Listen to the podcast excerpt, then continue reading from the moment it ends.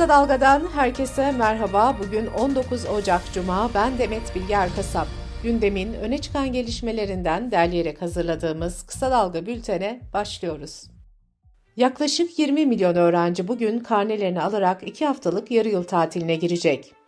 Milli Eğitim Bakanlığı kararıyla çocuklara tatilde test çözme, öze çıkarma gibi ev ödevleri verilmeyecek. Bugün karnelerini alamayacak çocuklar da var. 14 yaşındaki Arda Tonbul, Mesleki Eğitim Merkezi uygulaması kapsamında haftada 4 gün staj için gittiği Özkanlar Metal Demir firmasında yaşamını yitirmişti. Arda Tonbul tek örnek değil. Aralık ayında 17 yaşındaki Ömer Çakar ve Ulaş Tumlu staj yaparken 15 yaşındaki Ömer Girgin de çıraklık yaparken hayatını kaybetmişti. İşçi Sağlığı ve İş Güvenliği Meclisi'nin raporuna göre 2023 yılında en az 54 çocuk iş cinayetlerinde yaşamını yitirdi. Milli Eğitim Bakanlığı'nın Mesleki Eğitim Merkezi uygulaması kapsamında yaklaşık 2 milyon öğrenci haftanın bir günü okula, 4 günü ise iş yerlerine staja gidiyor. Yerel seçimlere 72 gün kalırken AK Parti 17'si büyük şehir olmak üzere 48 ilin belediye başkan adaylarını açıkladı. Ankara adayı Turgut Altınok, İzmir adayı ise Hamza Dağ oldu. AK Parti İstanbul'dan Murat Kurum aday göstermişti. Seçimlerde 30 büyükşehir ve 29 ilde AK Parti ile ittifak yapma kararı alan MHP'de dün 55 adayını daha açıkladı.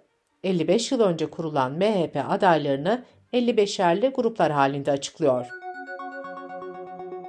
CHP'li İstanbul Büyükçekmece Belediyesi'ne rüşvet iddiasıyla yapılan operasyonda başkan yardımcısıyla birlikte 20 kişi gözaltına alındı.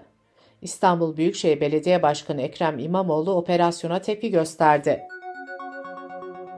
Yargıtay üyeliğine seçilen savcıların yerine yeni görevlendirmeler yapıldı. Ankara Cumhuriyet Başsavcılığına Gökhan Karaköse, İstanbul Anadolu Cumhuriyet Başsavcılığına Zafer Koç getirildi. Agos gazetesi kurucusu ve genel yayın yönetmeni Hrant Dink katledilişinin 17. yıl dönümü olan bugün vurulduğu yerde anılacak. Anma her yıl olduğu gibi eski Agos binası önünde saat 15'te başlayacak. Türkiye Kadın Dernekleri Federasyonu'nun raporuna göre aile içi şiddet acil yardım hattına bir yılda 5076 çağrı geldi. Şiddet ihbarlarının 498'inde fail kocalardı. Grip ve COVID-19 vakaları artmaya devam ederken Türkiye'nin en büyük hastanelerinden Ankara Şehir Hastanesi'nde yoğun bakımda doluluk oranı %90'ı buldu. Sağlık Bakanı Fahrettin Koca risk grubunda olanların aşı yaptırmasını istedi. Bakan Koca, Türkiye genelindeki hastanelerde doluluk oranının da %72 olduğunu belirtti. Kısa Dalga Bülten'de sırada ekonomi haberleri var. Bu yıl 17.002 lira olarak belirlenen asgari ücret dolar arttıkça erimeye devam ediyor. Ekonomim gazetesinin haberine göre asgari ücret 27 Aralık'ta açıklandığında 578 dolara denk geliyordu.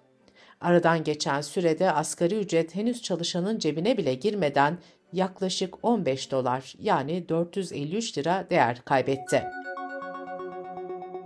Metal işçileri greve hazırlanırken toplu iş sözleşmesinde anlaşma sağlandı. Maaş zammı birinci 6 aylık dönem için %98 oldu. Mutfak tüpüne bu ay içinde üçüncü kez zam geldi. 12 kiloluk tüpün fiyatı 640 lira oldu. Otogaz ise 40 kuruşluk zamla 20 lirayı aştı. Amerikan İş Dünyası dergisi Forbes dünyanın en varlıklı 500 kişisini açıkladı. Listeye göre Türkiye'nin en zengin 10 ismi arasında ilk sırada Murat Ülker var. Vergi rekortmeni Selçuk Bayraktar ise bu listeye giremedi. Merkez Bankası çalışanı Büşra Bozkurt, Başkan Hafize Gaye Erkan'ın babası Erol Erkan tarafından işten çıkarıldığı iddiasıyla CİMER'e şikayet dilekçesi yazdı. Dış politika ve dünyadan gelişmelerle bültenimize devam ediyoruz. Husiler Kızıldeniz'de bir Amerikan gemisini vurdu. ABD ise Husilere ait 14 füzenin imha edildiğini açıkladı. Kızıldeniz'de İsrail bağlantılı ticari gemilere saldırdıklarını söyleyen Husiler kendilerini İsrail'e karşı oluşturulan direniş ekseninin bir parçası olarak görüyor. Amerika Birleşik Devletleri ve İngiltere ise bu saldırılara karşılık Yemen'deki Husi hedeflerine hava saldırıları düzenlemişti. ABD yeni bir adım atarak Husileri küresel terör listesine aldı. Pakistan ve İran arasındaki gerilim de artıyor. Pakistan, İran'ın Sistan, Belucistan bölgesindeki terör hedeflerine yönelik füze saldırısı düzenlediğini duyurdu. İran medyası Pakistan'ın saldırısında 3 kadın ve 4 çocuğun hayatını kaybettiğini bildirdi. İran devrim muhafızları mensubu bir albay da İran-Pakistan sınırına yakın bir bölgede düzenlenen suikast sonucu öldü. İran'da geçtiğimiz günlerde Pakistan'daki hedeflere saldırı düzenlemişti. Bu saldırılarda iki çocuğun öldüğü açıklanmıştı. Almanya'nın İsrail'e silah satışı geçen yıla göre 10 kat arttı. Federal hükümet 2023 yılında İsrail'e 20 milyon euro değerinde silah ve cephane ihracatına onay verdi. Fransa Yargıtayı çimento şirketi Lafarge hakkında Suriye'deki faaliyetleri nedeniyle insanlığa karşı suçlara iştirak ve terör örgütün finansmanı suçlamasıyla soruşturma açılmasına karar verdi. Beyaz Saray, Türkiye F-16 uçaklarının satışına dair desteklerinin sürdüğünü açıkladı.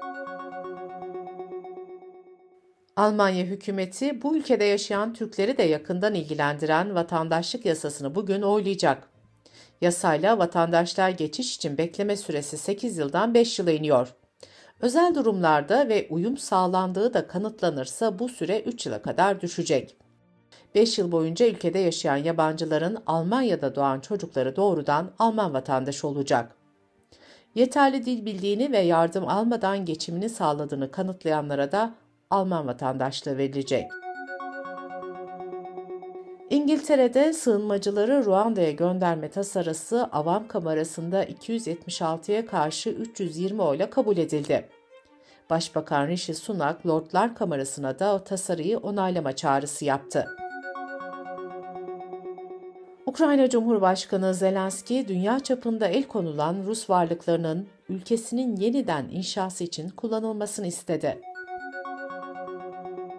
Güney Amerika ülkesi Ekvador'da çete üyelerinin 10 Ocak'ta devlet kanalına yaptığı saldırıyı soruşturan savcı silahlı saldırıda öldürüldü.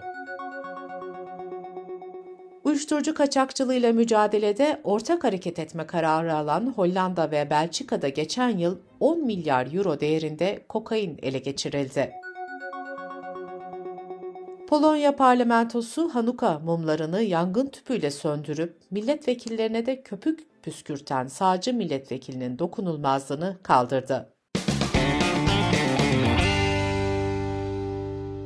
Kültür, sanat ve yaşam haberleriyle devam edelim. İz Gazete tarafından her yıl verilen İz Bırakanlar ödüllerinin 2023 yılındaki sahipleri belli oldu. Direnişteki agrobay işçileriyle belgeselci ve gazeteci Kazım Kızıl ödüle layık görüldü. Arade Survey'in Türkiye genelinde 1100 kişinin katılımıyla gerçekleştirdiği araştırmaya göre katılımcıların %66.7'si kar yağışını izlerken kendisini huzurlu hissettiğini söyledi. %32.1'i içinse kar yağışı geçmiş anıları çağrıştırıyor. Dünya Sağlık Örgütü'nün son raporuna göre dünya genelinde 1.25 milyar yetişkin tütün ürünü kullanıyor. Türkiye'de ise sigara içenlerin sayısı 15 milyondan fazla. Tütün kontrolü planına göre Türkiye'de 15 yaş ve üzeri toplam nüfusta her 4 kişiden en az biri sigara içiyor.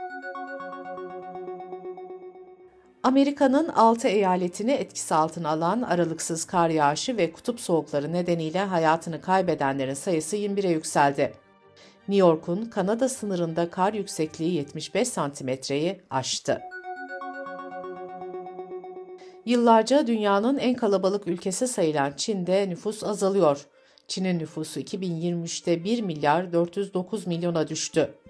Birleşmiş Milletler'in tahminlerine göre ise Çin nüfusunun 2050'ye kadar 109 milyon kişi daha azalması öngörülüyor. İtalya'nın Bolzano bölgesinde sokağa dışkısını yapan köpekler DNA testiyle belirlenecek ve sahiplerine 500 euro para cezası verilecek.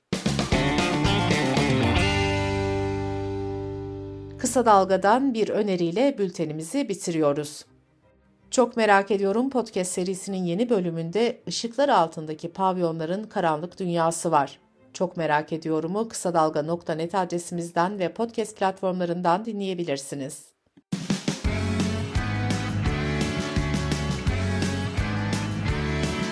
Kulağınız bizde olsun. Kısa Dalga Podcast.